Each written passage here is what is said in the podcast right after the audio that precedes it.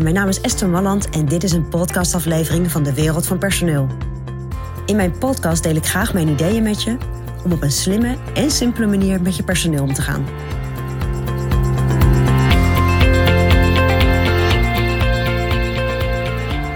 Ja, vandaag wil ik het met je hebben over iets waar, uh, waar veel mensen tegenop zien. Eigenlijk best een hekel aan hebben. Maar uh, als je het goed doet, dan is het juist heel erg waardevol. Nou, waar heb ik het over? Over het werkoverleg. Je hebt heel vaak natuurlijk als je mensen spreekt die zeggen... ja, ik zit dagenlang in vergaderingen. En vergaderingen zijn natuurlijk helemaal niet erg. Of werkoverleggen. Maar wel op het moment dat ze, dat ze geen nut hebben. Of dat ze in ieder geval dat het, dat het lijkt alsof ze geen nut hebben. Nou, ik ben benieuwd hoe dat bij jou in je bedrijf is. En uh, ik weet niet hoe jij je werkoverleggen voert. Maar over het algemeen komt dat negatieve gevoel omdat het geen overleg is. Het is vaak een monoloog. En er wordt uh, informatie uitgewisseld, maar dat is eigenlijk minimaal. Het zijn niet echt constructieve situaties, zeg maar. Het zijn niet echt constructieve uren die besteed worden. Nou, ik wil je eigenlijk uitdagen om, om eens na te denken hoe jij werkoverleggen voert. Of hoe er werkoverleggen binnen jouw bedrijf worden gevoerd. En uh, ja, bedenk gewoon eens even hoe het anders kan. Hoe jij de werkoverleggen die je binnen het bedrijf voert, hoe je die veel interessanter, veel uitdagender, veel effectiever kan maken. En eigenlijk zijn er maar een paar simpele dingen voor nodig. Nou, die wil ik even met je bespreken. Een van de belangrijkste dingen, denk ik, is uh, op het moment dat je start met allemaal mededelingen. Ja, dan zakt de energie ook uh, bij je medewerkers. Weet je, op het moment dat je alleen maar moet luisteren naar dingen die, uh, die, die er gaande zijn, tenzij het natuurlijk hele belangrijke dingen zijn. Maar op het moment dat jij mededelingen hebt, dan ook vaak in die mededelingen zitten vaak ook de wat negatievere punten. Hè. Let hierop, of jongens, dat gaat nog niet goed. Of nou, ik weet niet of je het herkent, maar ik, uh, ik zie dat heel vaak gebeuren. Kijk of je bepaalde mededelingen of dingen die je gewoon wil delen met je team, of je die ook in de mail kan zetten. Of misschien op een prikbord kan hangen. Dus probeer zo weinig mogelijk monoloog te hebben tijdens een werkoverleg. En die monoloog komt dan natuurlijk vanuit jou, hè? Dat, is, uh, dat is duidelijk. Ander punt is, uh, kijk hoe je je mensen beter kan betrekken. Zorg dat mensen zich ook moeten voorbereiden voor een werkoverleg. Op het moment dat ze gewoon uh, ergens moeten zijn, op een bepaald moment, en gewoon moeten gaan zitten, dan activeer je ze eigenlijk niet om ook echt mee te doen aan het werkoverleg. Dus zorg dat je elk werkoverleg dat je vraagt of ze iets willen voorbereiden. En dat kan dat ze moeten nadenken over een proces wat niet lekker loopt. Of juist iets uh, waar ze heel trots op zijn. Uh, wat ze goed hebben gedaan en wat ze kunnen delen met, met de rest van het team. En zo zijn er nog veel meer, veel meer ideeën te bedenken. Maar zorg dat je dat ze actief naar een werkoverleg komen en iets gaan delen ook. En dat ze ook weten dat dat van ze verwacht wordt dat ze iets gaan delen. Nou, op het moment dat je in het werkoverleg zit, kijk dan in hoeverre je echt een overleg kunt voeren.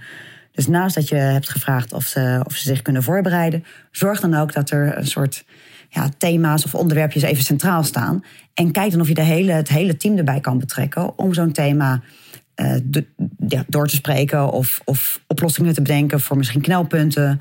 Of juist ideeën te bedenken om dingen nog beter te kunnen doen. Of nog, uh, ja, nog meer uh, onderscheidend te zijn richting je klanten of in de markt.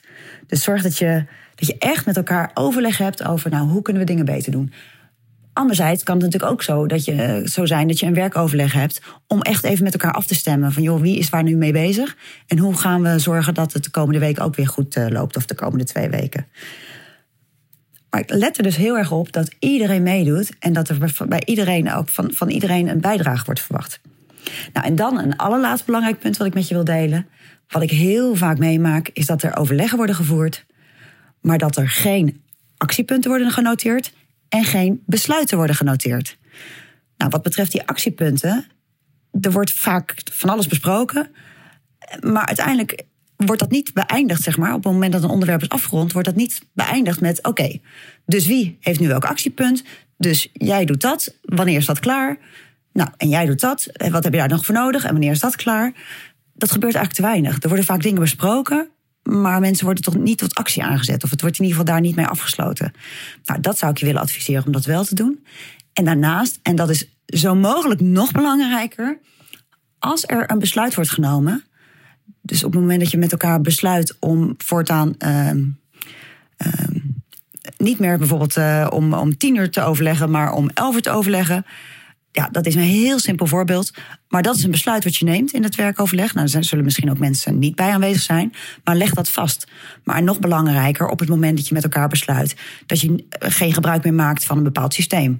Of op het moment dat je besluit dat iedereen vanaf dat moment de verantwoordelijkheid mag nemen om nou, bijvoorbeeld bij klanten tot 150 euro zelf te beslissen of ze iets teruggeven of niet. Allerlei dingen die je bespreekt tijdens werkoverleg en waarvan je met elkaar bespreekt, nou, zo gaan we het vanaf nu doen. Dat zijn besluiten. Of misschien bepaal jij alleen hoe je het vanaf dat moment gaat doen. Want jij bent de leidinggevende en hebt wordt meer zeggenschap natuurlijk dan de rest van, uh, van je team. Maar zorg dat alles waar jullie echt een beslissing over nemen, of waar jij een beslissing over neemt, dat dat ook vastgelegd wordt.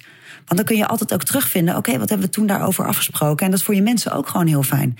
En zeker voor de mensen die niet bij het werkoverleg aanwezig zijn. Ik ben helemaal geen voorstander van uitgeschreven tekst over alle punten. Maar ik vind eigenlijk wel dat elk werkoverleg.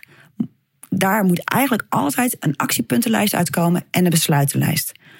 Om terug te kijken wat hadden we afgesproken, maar ook voor mensen die er niet bij aanwezig zijn.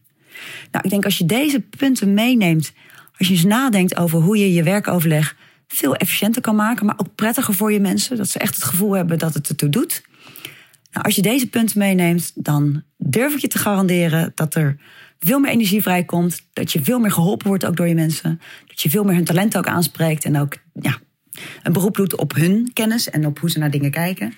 Dus ik, ik garandeer je dat het dan echt interessanter wordt. Ik wens je daar veel succes mee. En dit is mijn persoonlijk advies vanuit de wereld van personeel. Wil je ontwikkelingen in de wereld van personeel blijven volgen? Abonneer je dan op ons podcastkanaal. Ook op onze website vind je allerlei slimme ideeën en adviezen. Dus kijk even rond op www.dewereldvanpersoneel.nl. Benson